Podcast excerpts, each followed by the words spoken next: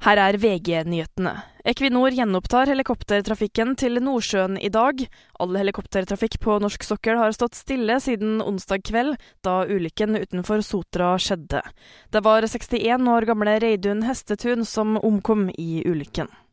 Stortingets kontrollkomité har fått tilsendt flere dokumenter fra Kunnskapsdepartementet i forbindelse med habilitetssaken til Tonje Brenna. Hun innrømmet i dag at hun burde gitt mer informasjon tidligere. Familien til den russiske opposisjonspolitikeren Aleksej Navalnyj skal nå ha fått liket. De har likevel problemer med å få fraktet liket til begravelsen, fordi ingen bårebiler ønsker å kjøre. Kongen blir noen dager til på sykehuset i Malaysia. Han er fortsatt på bedringens vei. Forebygging har aldri vært viktigere på alle måter.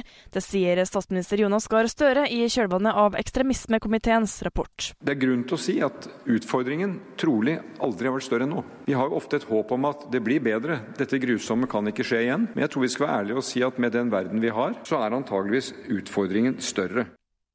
Magne Hoseth har fått sparken som trener i danske Lyngby. Nordmann har kun vært ansatt i klubben i 50 dager.